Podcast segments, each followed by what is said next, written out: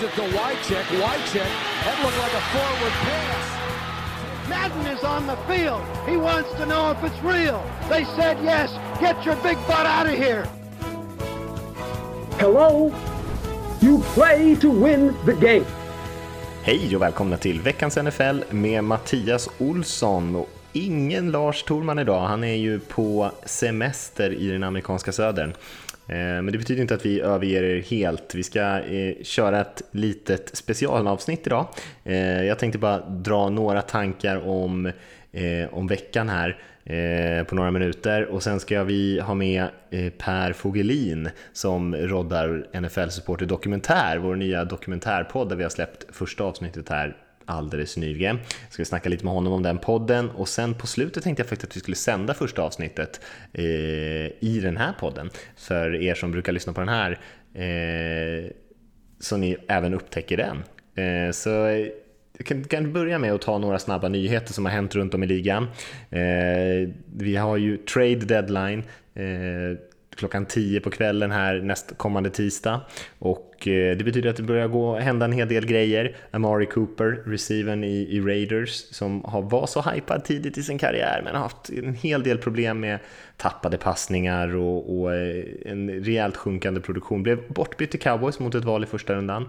Eh, dyrt, dyrt pris tycker nog jag och många andra. Eh, förhoppningsvis kan han kicka igång sin karriär. Han är ju en väldigt duktig spelare och många saker som han är bra på, en bra route runner och sådär bland annat. Eh, och annars snackas det väldigt mycket om Patrick Peterson, LeSean McCoy, eh, Derek Carr har varit uppe på snack, Eli Apple, cornern eh, Giants blev bortbytt till Saints. Eh, men ryktena går tätt eh, och vi får väl se lite grann vad som händer. Det brukar ju komma en del nyheter precis när vi börjar närma oss deadlinen där, så på tisdag kan man väl hålla lite extra koll. Eh, såg också en annan lite kul nyhet att eh, danske Andreas Knappe som spelar på offensiva linjen eh, har fått en plats på Broncos practice squad, så en sak som man kan hålla koll på. Vi har inte så mycket nordiska spelare i NFL just nu. En annan lite knäpp nyhet som ni kanske har sett är att Chad Kelly som är backup quarterback, eller var backup quarterback i Denver Broncos, var hemma på fest hos Von Miller här i, i, eh, i veckan och blev jättefull, hamnade i bråk, eh, blev uteskorterad från festen hemma hos lagkompisen där och gick bara helt random in i någon persons hus och satte sig på soffan och började mumla full som ett ägg eh, och blev utjagad därifrån av den personen som bodde där som, som kom svingandes med en dammsugare och grejer och sen dess blev han släppt av Broncos. Eh, så där var ju många som trodde att han kanske skulle ersätta Case Keenum som haft det lite tufft men det Eh, kommer ju inte bli så nu och eh, snacka om att eh, slänga bort sin karriär på en dum grej. Eh, kan säga några korta saker om veckan som har varit här. Det, Eh, vi fick ju återigen se massor och massor av jämna matcher. Eh, Titans Chargers var en spännande match där Titans försökte gå för två poäng i slutet av matchen när de låg under med 19-20 och misslyckades istället för att försöka ta matchen till övertid alltså, och eh, torskade matchen. Så det var ju en vinna eller försvinna chansning där från, från Titans håll. Jag gillar i och för sig den aggressiviteten men man ställde ju upp med ett play call där eh, bara Mariota egentligen i quarterbacken i, i backfield och ingen running back. Så eh, man eh, kanske underligt beslut tycker jag från ett lag som kanske har haft väldigt, väldigt tufft att passa bollen men eh, är relativt bra i springspelet, särskilt med, med Mariotas eh, ben, så man kan springa bollen själv där. Eh, så kanske i ett sånt läge som är så viktigt att man inte lutar på sina styrkor var intressant tycker jag. Eh, en annan intressant match var ju Saints Ravens eh, där man trodde matchen skulle gå till övertid men Justin Tucker, kicken där, bästa kicken i NFL, eh, som hade satt 222 extra poäng i rad, missade sin, eh, den här 223 då, och, eh, och Ravens torska matchen. Ett ganska brutalt slut där. Vi fick se ett ganska tufft slut i Panthers Eagles också, där jag tycker att Philadelphia var bättre egentligen hela matchen, men eh, tillät tre touchdowns i fjärde kvarten när Cam Newton och Panthers bara fick eh, turbofart där. Eh, Chiefs fortsätter sin monstruösa resa här och utklassade Bengals med 35 poäng. Eh, och det är svårt att se hur någon kan stoppa dem. Eh, ska, tycker en extra eloge kanske att nämna Todd Gurley här som gjorde tre touchdowns igen för Rams här nu. Han har 14 touchdowns på sju matcher och är på väg att slå något typ av rekord här för hur många touchdowns han kan trycka in på en säsong. Eh, det är ju eh, mycket imponerande. Det är mycket som går genom honom där, även fast det finns många duktiga spelare såklart i Rams. Tycker också att vi ska ta en liten snabbtitt på vecka 8 så har vi ju en extremt spännande gäng matcher. Det är fortfarande så jäkla jämnt i ligan. Det är 14 lag som har fler vinster än förluster fortfarande, eh, vilket är lite intressant för man kollar bak sådär nästan 20 år bak i tiden och tittar på alla lag som har gått till slutspel så drygt 90% av alla de som har tagit sig till slutspel har haft fler vinster än förluster efter sju matcher. Eh, så att det är de lagen som ligger där på undersidan, de 18 lagen som inte ligger där, eh, de har, kommer ju ha det alltså lite tuffare då om man ska kolla rent statistiskt på att ta sig till den där slutspelsplatsen. Eh, men som sagt, vi har väldigt mycket spännande matcher här nu eftersom det också är den här tidsskillnads-ställa om klockan perioden på året så är ju matcherna en timme tidigare också än vad de brukar vara. Så att det börjar ju söndagen redan med Eagles Jaguars i London som börjar 14.30 och sen är ju liksom de här matcherna som brukar vara 19 är 18 och sådär så att man kommer ju kunna se tre matcher på söndagen och ändå gå och lägga sig i hyfsad tid. Fyra matcher om man är, känner sig riktigt, riktigt pigg. Eh, men vi har ett, ett gäng spännande matcher. Eh, Ravens Panthers är också en extremt spännande match mellan två lag som känns, ibland känns ganska lika. Ravens jättebra försvar eh, såklart. Eh, men ändå har lyckats hitta lite anfall i år, i alla fall i vissa matcher. Panthers som är det där lite griniga, de är ju precis det där laget som vann över Eagles som är bara svåra att bli av med i matchen. De bara gnetar sig fast och sen så Cam Newton gör de här grejerna som ingen annan kan göra ibland. Packers-Rams är också en annan riktigt stor match. Eh, jag såg att eh, Vegas hade Rams favoriter med nästan 10 poäng i den här matchen. Och personligen är det lite svårt att se att Aaron Rodgers låter det hända, att det blir så stora siffror. Men Rams är å andra sidan väldigt, väldigt bra och vilken trupp de har. Eh, och såklart balanserat lag jämfört med, med Green Bay. Men eh, jag tror att det kan bli en riktigt kul match ändå. Jag tror att Packers kommer kunna göra den relativt jämn. Saints-Vikings är ju en annan riktigt stor match också. Det eh, finns en del spännande saker att hålla koll på den här veckan tycker jag. Eh, Larry Fitzgerald eh, fortsätter ju sin fantastiska karriär, receiven i Cardinals. Eh, om han samlar på sig 134 yards mot ett ganska svagt 49ers här så passerar han Terrell Owens och lägger sig på andra platsen i historien efter Jerry Rice i receiving yards, vilket är ganska häftigt tycker jag. Eh, kicken Adam Vinatieri är ju bara fyra pinnar bakom eh, danske Mårten Andersen för att ta det poängrekordet för kickers. Och så har vi, vi pratade Vikings där som möter Saints. Eh, som Saints har ju inte något superbra passförsvar eller försvar i allmänhet i år. Och Adam Thielen där i, i Vikings receiver som vi har nämnt några gånger har ju nu sju raka matcher med över 100 yards eh, i luften och eh, fångar hans, gör han det igen nu och, och, och därmed sin åttonde raka match, då går han upp i delad ledning eh, någonsin tillsammans med, med Megatron då, eh, Calvin Johnson som eh, eh, var en gigant när han spelade men tyvärr kanske avslutade sin karriär faktiskt lite tidigt. Så det är mycket, mycket spännande att se fram emot den här veckan. En av de absolut bästa veckorna med matcher vi har sett eh, Eh, i år. Och eh, ja, det är mycket som avgörs. Det är många lag som är jämna. Vi har ett Seahawks-Lions-match där det, båda lagen är 3-3. Och, ja, det finns många sådana här matcher där alla ligger nästan runt där 3-4, 3-3, 4-3 resultaten. Och det, det är liksom nu, mitten på säsongen här, som det gäller att skaffa det där lilla övertaget så man kan spela oddsen och hålla undan när slutspelsplatserna ska avgöras. Eh, så det är mycket att se fram emot och det finns det också när det gäller eh, vår nya podcast som vi ska prata lite grann med Per Fogelin om.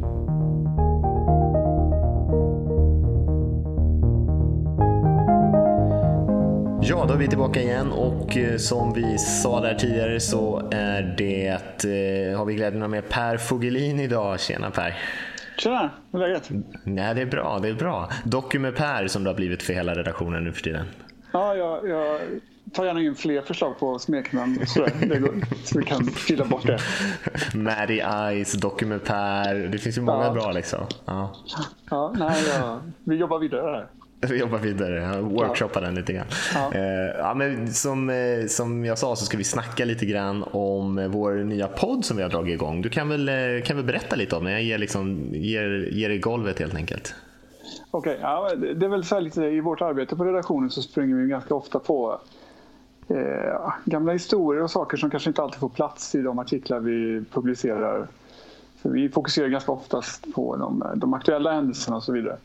Och då vill vi på något vis hitta ett forum för att kunna eh, grotta ner oss i de här gamla historierna. Det kan man ju, om det är både långa och korta historier och allt möjligt. Så här, men, att alltså, överhuvudtaget få möjlighet att göra det. Och sen är det ju spännande med poddformatet då att, att utveckla det. Och, för det har vi märkt tidigare att de, de andra två som vi har då, de har ju varit populära. Så att vi vill bredda oss lite där. Så det var det som var grundtanken egentligen. Ja, det, det, jag tycker det är en eh, grymt rolig idé och det ska bli kul att se hur vi liksom kan spinna iväg det här. Vad, vad mm. känner du, vad, vad, är det för typ av grejer som man kan... Podden heter ju NFL Supporter Dokumentär kan vi säga, men vad, vad är det för typ av grejer man kan vänta sig få höra om man, eh, om man börjar ratta in den varje, varje gång vi släpper ett avsnitt? Ja, det var en bra fråga. Ehm, man kan väl säga så här, mycket, mycket, det finns ju problematik möjligtvis där med att mycket är gjort. Eh, NFL Films har gjort ett fantastiskt arbete genom alla år naturligtvis att dokumentera allt som, är, allt som har hänt möjligtvis.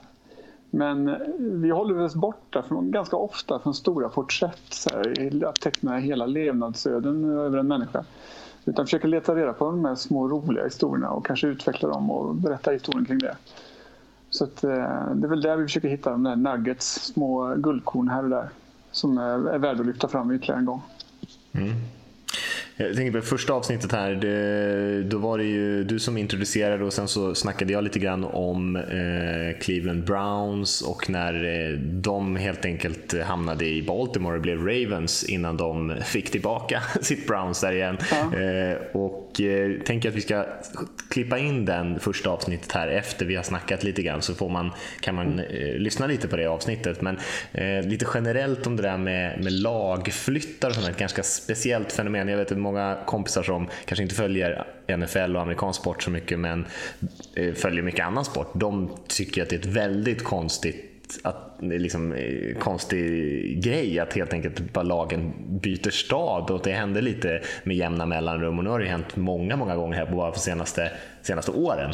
Vad, vad har dina tankar kring den, liksom, den grejen överhuvudtaget som finns i NFL? Ah, det, är, det är svårt för oss europeer att sätta oss in i det. För vi är många av oss uppvuxna med att stötta ett visst lag beroende på att vi kommer från en viss stad och så vidare. Men, men den stora skillnaden egentligen mellan eh, amerikansk idrott och, och, och, europeisk, om vi generaliserar lite hårt nu, men det är ju lite det här med att någonstans är det ju business allting. De är ju väldigt duktiga på att göra show och pengar av allt som händer och sker. Och någonstans blir det väl allra mest påtagliga när man kommer till det här med lagen. För att det finns egentligen ingen, vad ska jag säga, att, att något skulle vara rotat i en specifik stad, det, det, har ingenting med saken att göra. Utan är marknaden bättre någon annanstans så är man öppen för att ta sitt pick och pack och, och dra dit. För det är ändå så att eh, man vill vara där pengarna är. Och, eh, ja, det blir ytterst påtagligt just när, man, när det kommer till de här lagflyttarna. För det, då, då skär det sig rejält med hur vi ser på idrott, hur den ska bedrivas. Mm. Ja, jag håller med. Och det blev ju lite så här som vi nämner i, i avsnittet så blir det ju, kanske fick en riktig start just den typen av eh, flyttar som, som Browns gjorde där på mitten av 90-talet. Eh, för sen eh, innan dess då var det ju inte fullsmockat i NFL. Liksom. Det, det, kunde, det gick ju att fylla på med lag. Liksom. Det startades ju nya lag och sånt där. Men nu för tiden det känns det som att det är man får inte in fler lag så då blir det mycket mer press på de existerande städerna och typ bygga nya arenor, fylla liksom läktarna varje vecka. Så annars finns det alltid det där hotet där någonstans. Så det känns också som att det har blivit, just att det är så mycket lag ju, eh, just nu har ju blivit också lite av en sak som trycker på lite extra. Ja, förr i tiden var ju, det var det ofta ganska charmiga historier. Liksom någon, eh, om vi backar bandet så Chicago tog vi, eller det heter inte Chicago då, men det var egentligen ett korplag som tog sitt pick och pack och åkte till storstaden Chicago och, liksom och blev ett professionellt lag. Och de där historierna är ju ganska charmiga. Mm. Eh, men hoppar man fram till om jag skulle säga, andra änden av den historia du kommer berätta, det, det vill säga hur Baltimore blir av med sitt lag. Så det är ju långt ifrån charmig. Liksom. Det var väl eh, det var den där familjen Örsel som har Indianapolis Colts idag som bara lämnade staden en, en morgon utan att berätta det för någon i förväg. Så det, var, det är väl den absolut mest dramatiska lagflytt vi haft någonsin. Mm. och inte sällan handlar det ju ofta om en, eh, om en excentrisk miljonär som inte kommer överens med den lokala kommunen om vi säger så. Va? Man vill ha en ny arena eller något annat, eh, någon annan förmån och så, så blir det inte så. Och så tar man sitt pick och pack och drar.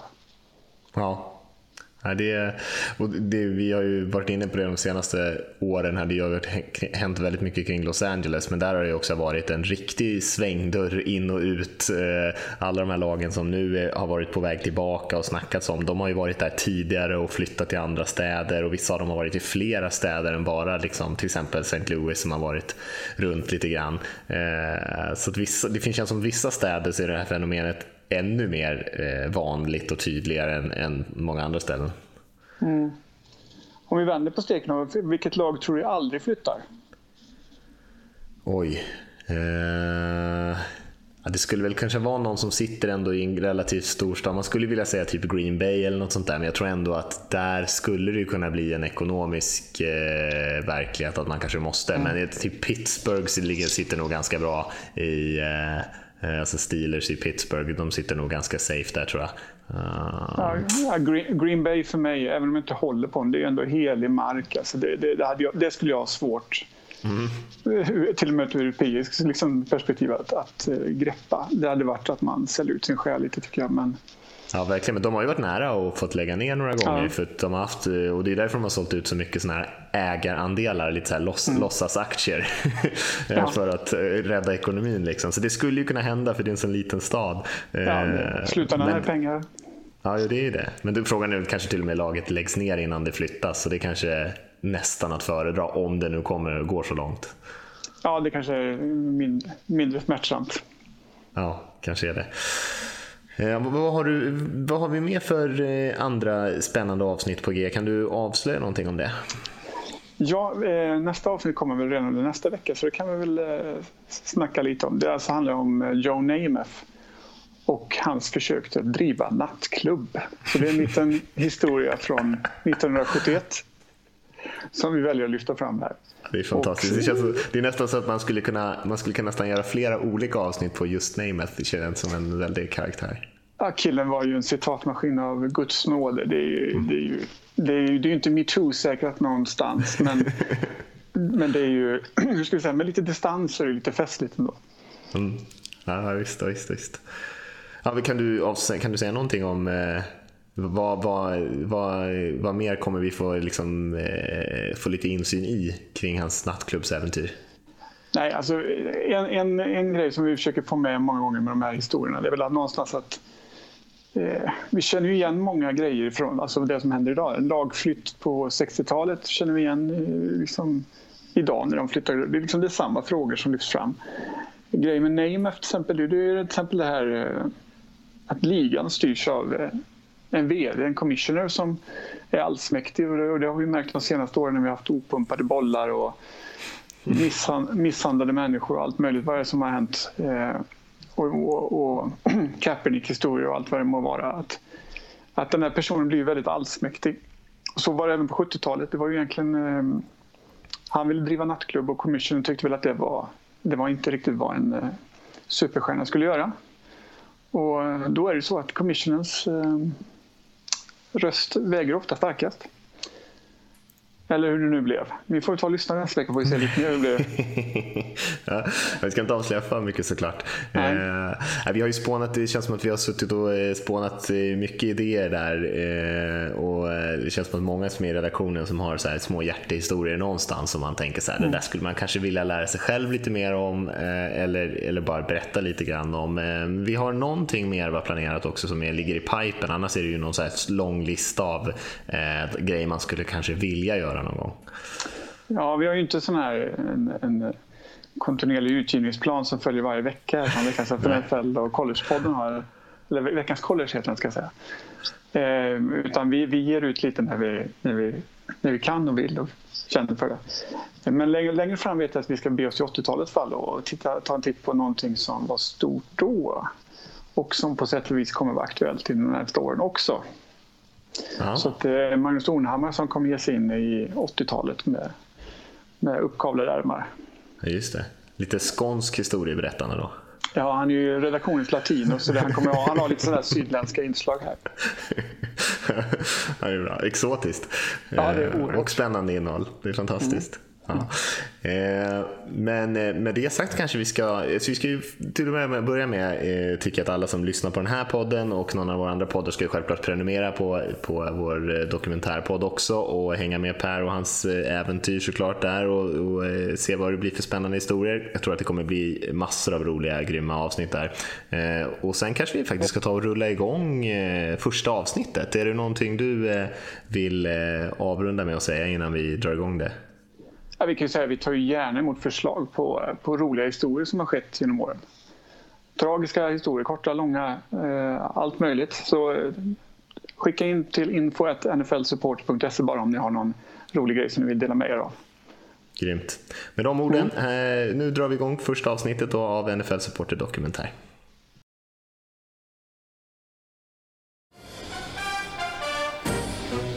Först ut är min kollega Mattias Olsson som ska berätta historien om den mest hatade mannen i Cleveland, Art Modell, och dyka ner i den märkliga tid då Browns flyttade till Baltimore och blev Ravens. Hur staden vid Lake Erie träffade en unik kompromiss med NFL och på något sätt ändå fick behålla värdigheten i striden med en kränkt ägare. Vi kommer få ta oss tillbaka till en oskyldigare tid. En tid med intressanta karaktärer och där Browns faktiskt var ett vinnarlag.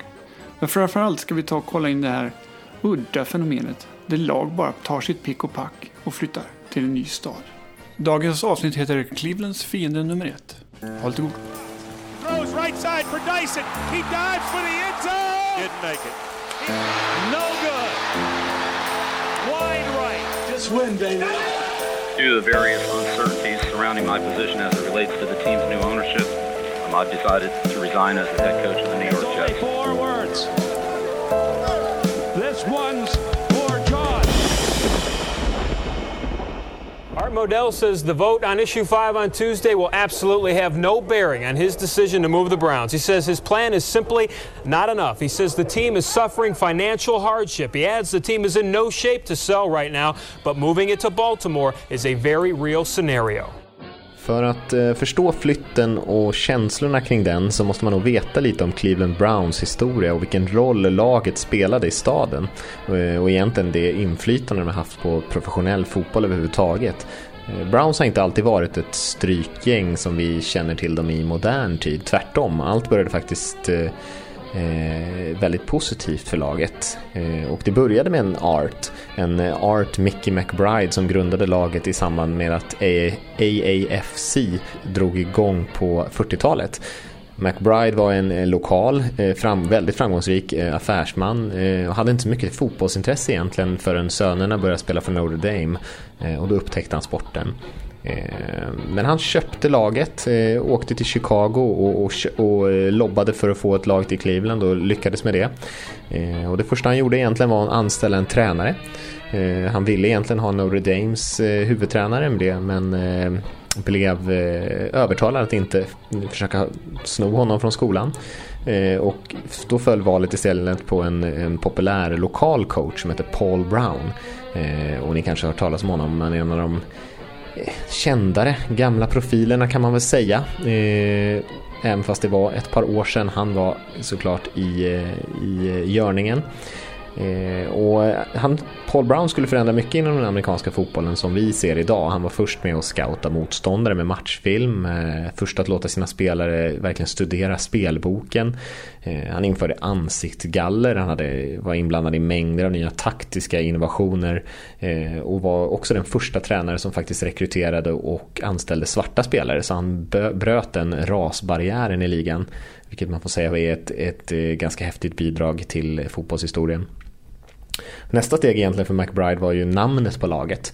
Och han gjorde en omröstning, fansen fick rösta och eh, det populäraste förslaget var just Browns. Och eh, det var efter den nya tränaren. Man försökte eh, hitta på massa historier om att det inte var det för att Paul Brown tyckte själv att det var lite pinsamt. Eh, men eh, man har senare erkänt att det, det, var därför. Det var liksom motivationen bakom och eh, det säger väl en del om Paul Browns status också i Cleveland.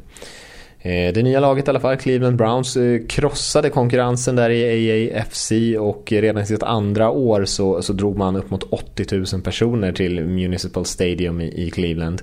Eh, vilket var ovanligt vid den här tiden.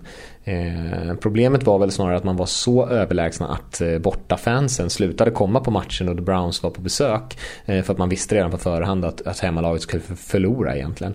Eh, och trots att, att matcherna drog väldigt mycket mer folk än matcherna i NFL, kanske 10 000 personer mer i snitt ungefär per match, eh, så tjänade ingen egentligen några pengar, varken i, i eh, AAFC eller i, i NFL. Eh, problemet var väl egentligen att ägarna i NFL var rätt vana vid det där och hade lite mer tålamod. Eh, så när diskussionerna drog igång på hur man skulle liksom lösa problemet och den här konkurrensen som fanns som gjorde att ingen riktigt eh, hade det så bra som man ville. Så eh, landade i att eh, NFL hade ett litet övertag i förhandlingarna där och eh, AAFC gick egentligen in i NFL. Ett par lag la ner och ett par lag gick in i den nya ligan.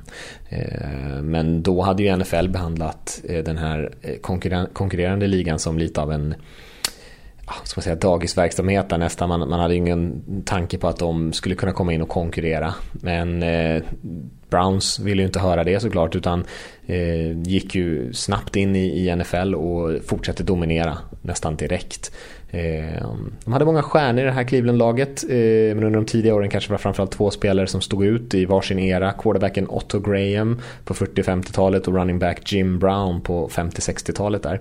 Ehm, den sistnämnda Brown där brukar ju nämnas som en av de bästa spelarna i NFL-historien, egentligen oavsett position. Spelade nio säsonger, ledde ligan i rushing yards i åtta av dem och, och den nionde så hade han en, en skadad hand men han spelade ändå varje match. Han krossade egentligen alla rekord. Ehm, och båda de här Brown då, Paul Brown och Jim Brown var ju, trots att de hade en del brister, särskilt Jim Brown vid sidan av plan, eh, var ju älskade av fansen. Och, och, det är viktigt att förstå för den här eh, historien som vi ska berätta idag då. Eh, Art Modell kom in i bilden 1961 som ny ägare. Han var chef på en reklambyrå, inte förmögen men väldigt framgångsrik. Eh, han lånade ihop majoriteten av pengarna och gick egentligen bara in med drygt en och en halv miljon av sina egna pengar. Eh, smart kille, hade mycket humor, eh, brann väldigt mycket för lokalsamhället och hans högsta mål egentligen var att bli älskad och hyllad som en hjälte i Cleveland som den ägare av Cleveland Browns som han var. Men så skulle det inte bli. Browns fans tell us their discomfort comes from the team owner, Art Modell. The guys ripped my heart out. But you know what? We'll get another team and we'll go to the Super Bowl before Art Modell does. C3 and 4, Section 11, Row 2. Modell var väldigt engagerad och relativt populär sin första tid som ägare för Browns. Eh, han bidrog även väldigt mycket till NFLs popularitet. Eh, han var en affärsman och han föreslog bland annat idén till Monday Night Football. Ehm, men ett misstag man kanske inte ska göra om man vill bli omtyckt i, eh, i en fotbollsstad är att starta konflikter med personer som egentligen är mer omtyckta än en själv. Eh, och den läxan lärde sig Modell aldrig riktigt. Och han underskattade kanske också fansens eh, känslomässiga koppling till laget. Eh, för Modell vill gärna vara med i beslutsfattandet, han ville lämna sitt avtryck på laget. Och tränaren Paul Brown, också en väldigt envis man, eh, köpte inte det. Eh, det kunde handla om att laget bytte bort stjärnspelare och första gången Modell fick höra om det var när han läste det i tidningen.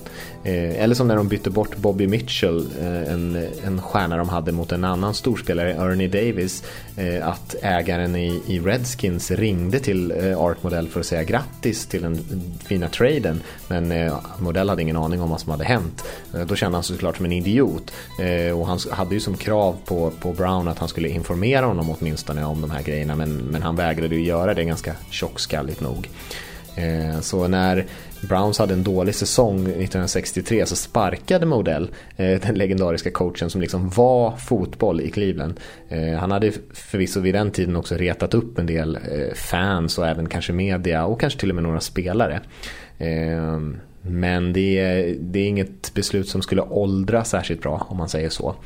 Ehm, och efter beslutet så snackade också Modell ner eh, Paul Brown ganska rätt rejält i lokalpressen. Sa att han, liksom, eh, han eh, var en dinosaurie och tiden hade sprungit förbi honom. Ehm, men två år senare så vann Browns ligan igen. Mestadels i och för sig med spelare som Paul Brown värvat. Ehm, och då glömde man bort det här lite grann bland fansen. Men de här framgångarna skulle ju inte fortsätta tyvärr. I samband med finalen 1964 så kom ju nästa smäll mot Modells popularitet eh, och det kan man förstå. Trots att matchen hade den näst mest största publiken någonsin på en finalmatch. De hade över 79 000 eh, och det var ju en, en väldig uppslutning i staden. Eh, I Cleveland då när matchen spelades så, så valde eh, Modell att eh, förbjuda matchen från att sändas på tv inom 30 mil från arenan. Det är den här blackout-regeln som fortfarande finns i NFL. Eh, han hade den möjligheten för att det fanns några hundra osålda biljetter men NFL hade bedömt den som utsåld som vilket gjorde att eh, man fick eh, sända matchen utan några problem men han valde att inte göra det. Eh, modell att ta det beslutet och han hindrade ju alltså de egna fansen i Cleveland från att se den här viktiga matchen på tv. Alltså en, en finalmatch. Eh, och de fick snällt vänta på reprisen nästa dag. Browns vann dessutom med 27-0 eh, och fansen skulle liksom aldrig förlåta honom för att han gjorde det här mot dem. Och, och det kan man ju verkligen förstå. Han satte ju sina ekonomiska intressen före egentligen fansens intressen. Eh, kanske inte eh, varken första eller sista gången heller. Eh, inte så kort därefter där så hamnade Art Modell i konflikt med en annan spelare då, eller en annan populär spelare i, i, Jim Brown. Och inför säsongen 1966 så höll Jim Brown på att spela in sin första film, eh, The Dirty Dozen. Han spelade ju in väldigt mycket filmer sen, han var ju väldigt inne på att bli skådespelare. Eh, och han hade ju tänkt göra det under uppehållet men, men inspelningen tog ut på tiden. Så när träningsläget skulle börja så var de inte klara. Eh, så han sa att han skulle komma in lite senare eh, helt enkelt. Eh, kan man tycka vad man vill om, men Modell gick ut hårt, satte hårt mot hårt, gick ut i media och hotade att bötfälla sin stjärnspelare för varje dag han missade. Eh, Jim Brown Ja, han, han svarade med att lägga skorna på hyllan. Han gick i pension. Bara sådär. Eh, och då hade ju Modell då enligt fansens, eh, från fansens perspektiv åtminstone eh, lyckats göra sig av med, med Jim Brown eh, precis som han gjorde med Paul Brown. Så han hade liksom drivit ut de kanske två eh, kändaste och mest omtyckta eh, karaktärerna i organisationen. Eh, men Browns hade fortfarande kvar en kärna, duktiga spelare. Inte minst en otroligt bra offensiv linje. Eh, och var med och utmanade ett par gånger faktiskt. Eh, sakta men säkert blev ju Cleveland däremot en mindre mindre av en stormakt i NFL. Eh, Cardiac Kids-eran i början av 80-talen var ju en spännande tid för fansen då Browns gjorde sig kända för att vinna nagelbitar, riktigt spännande matcher eh, på löpande band i slutsekunderna. Men resulterade, resulterade inte i något mästerskap. Eh, sen följde några frustrerande år eh, och även runt den eran. Eh, Three River Jinx blev ju en grej då Browns aldrig lyckades slå Steelers. De förlorade 16 raka derbyn. Eh, nu kan jag äntligen pensionera mig, sa Hall of Famern Ossie Newsom när, när de väl lyckades vinna. Eh, The Mistake on the Lake är ett annat spel som är liksom den historiska varianten av att Seahawks borde gett bollen till, till Marshawn Lynch. Eh, då coach Rotiliano kallar det ett passningsspel när man kanske borde ha sprungit bollen i slutspelet 1980. Eller varför inte The Fumble när eh, Browns och Broncos möttes i Championship-matchen två år i rad. Och första gången bjöd ju John Elway på The Drive som har blivit en historisk eh, händelse han drev bollen 98 yards för att, för att sno vinsten från Browns. Och året efter fick, fick Cleveland chansen att hämnas och Bernie Kosar tog bollen hela vägen ner Eh, till, eh, till Broncos målområde. Men, men Browns running back famlade bollen på enjardslinjen. Eh, så att mycket sådana där tragedier och det är ändå viktigt att förstå den historiken när vi pratar om Cleveland och känslorna kring flytten och allting som händer efter. För fansen i Cleveland stod ju motvilligt ut med all, alla de här, all den här misären. Eh, och det fortsatte ju gå ner för efter det här. Eh, Bill Belichick kom ju in och fick eh, huvudtränarjobbet men fick sparken bara efter något år. Eh, han var inte populär i stan överhuvudtaget. Eh, han gjorde egentligen samma saker som han har gjort i, New England. Eh, hade samma lite surmulna personlighet där och han gjorde sig av med omtyckta spelare, inte minst Bernie Kosar. Eh, efter en ganska intressant historia där. Eh, Belichick han kallade också de offensiva spelen i, i Browns ett tag. Och eh, han skickade in ett spel. Eh, Koser då, en veteran quarterback, vägrade använda det spelet som Belichick skickat in. Eh, kallade det ett annat spel helt enkelt som han ritade upp i, i, i, eh, i, marken framför sina medspelare och så kastade han en touchdown istället. Eh, men det hjälpte inte så mycket med Bill Belichick där som var helt tokig på sidlinjen. Eh, och efter det så eh, släppte de helt enkelt Kosar. Eh, men då var inte han särskilt populär och när de inte vann då är det svårare att vara lite mer den där tuffa, tuffa stilen som Belichick kör i New England. Men där vinner de ju typ betydligt fler matcher också. Så eh, den... Eh, vi börjar närma oss flytten. Eh, den 5 november 1995 medverkade Art Modell i ett radioprogram med en kille som heter Mike Snyder.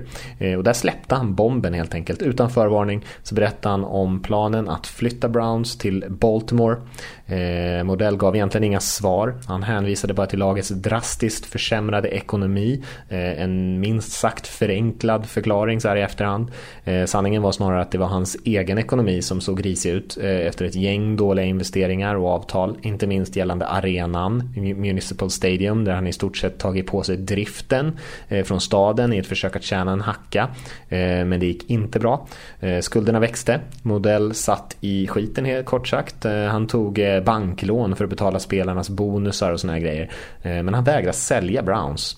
Eh, och det är väl det som är den riktiga anklagelsen mot honom att han satte på något sätt sitt sina egna intressen över de miljoner personer som, som höll på laget.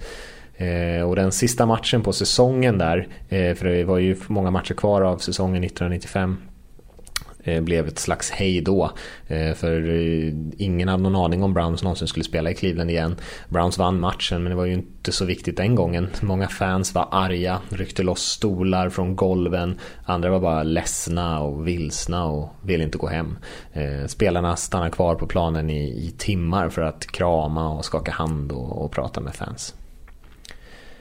När ryktet först kom att Modell hade kontakt med politikerna i Maryland så tog ingen i Cleveland det riktigt på allvar. Eh, Baltimore gick istället all in för att locka dit Browns. Eh, staden erbjöd sig att bygga en ny arena, en ny träningsanläggning, betala av alla Modells skulder och ta alla flyttkostnader.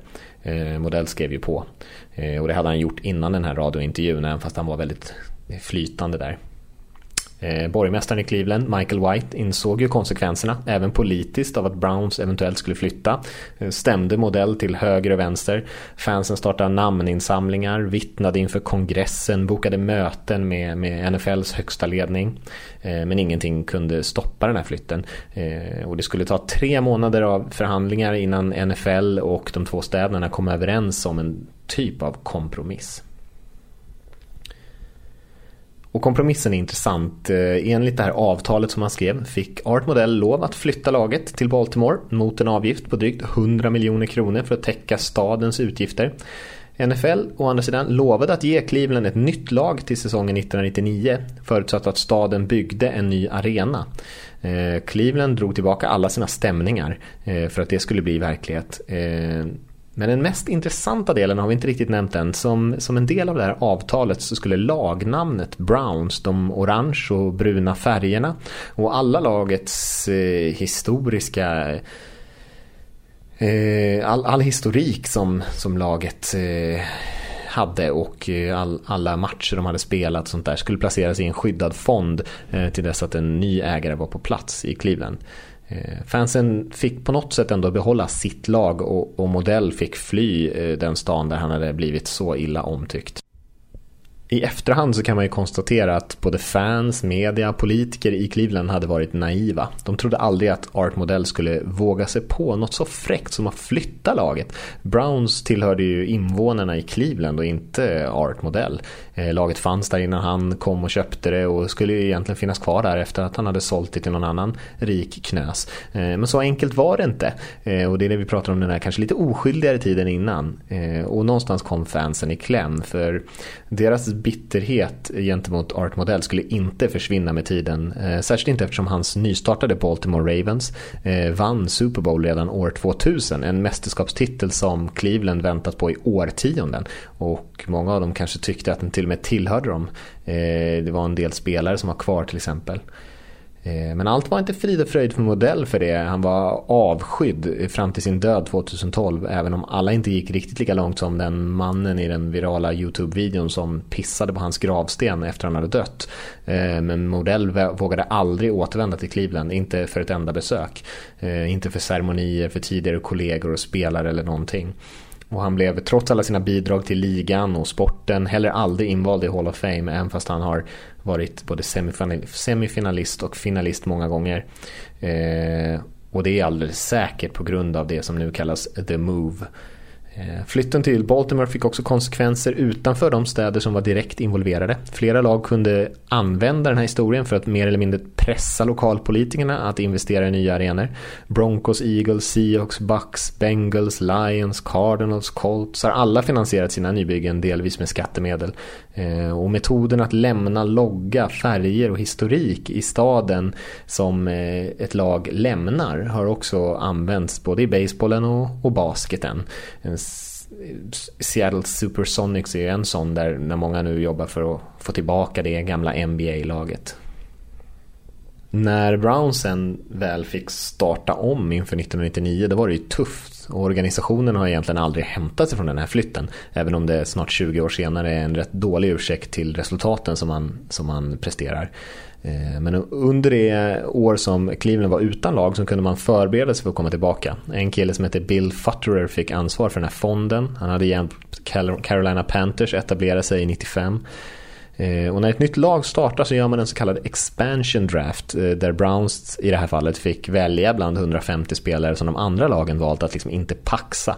Men det var inte några superstjärnor i det gänget direkt och Eh, det blev ju som det blev med kvaliteten. De fick också det första valet i draften där de snabbt startade den här traditionen av att välja quarterback som skulle floppa totalt. De valde Tim Couch i en draft där det gick fem quarterbacks, topp 12. Eh, Donovan McNabb och Dante Culpepper var ju två av de andra fem som faktiskt hade en bra karriär. Eh, tre av de här fem hade inte det kan man lugnt säga. sen fyllde Browns ut truppen i Free Agency och fansen var ju taggade inför debuten eh, men Pittsburgh Steelers, den gamla rivalen, kom in och krossade Browns med 43-0. Eh, och den eh, nya coachen Palmer fick sparken redan efter sitt första år.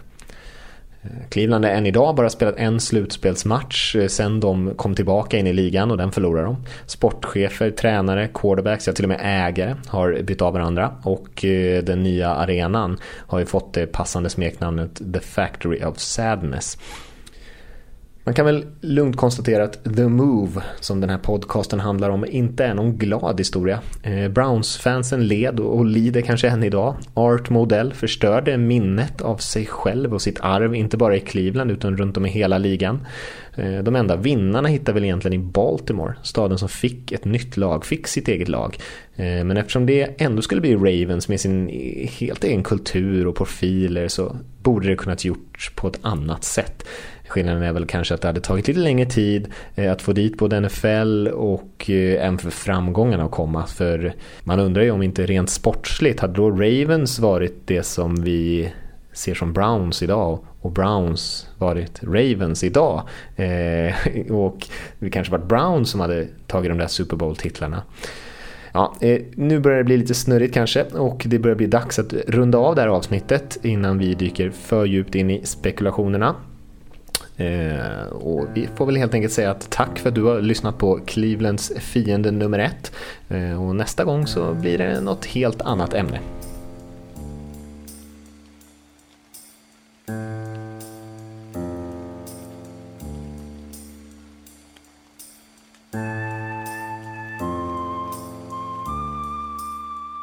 Det var alltså historien om hur Cleveland Browns till slut hamnade i Baltimore. Om du sitter där hemma nu och har några förslag på andra ämnen som vi kan ta upp i den här dokumentärserien så hör av dig till oss. Du når oss lättast på info.nflsupporter.se info.nflsupporter.se Dagens program gjordes av Mattias Olsson och undertecknad Per Fogelin. Till nästa gång, ha det så gott. Hej!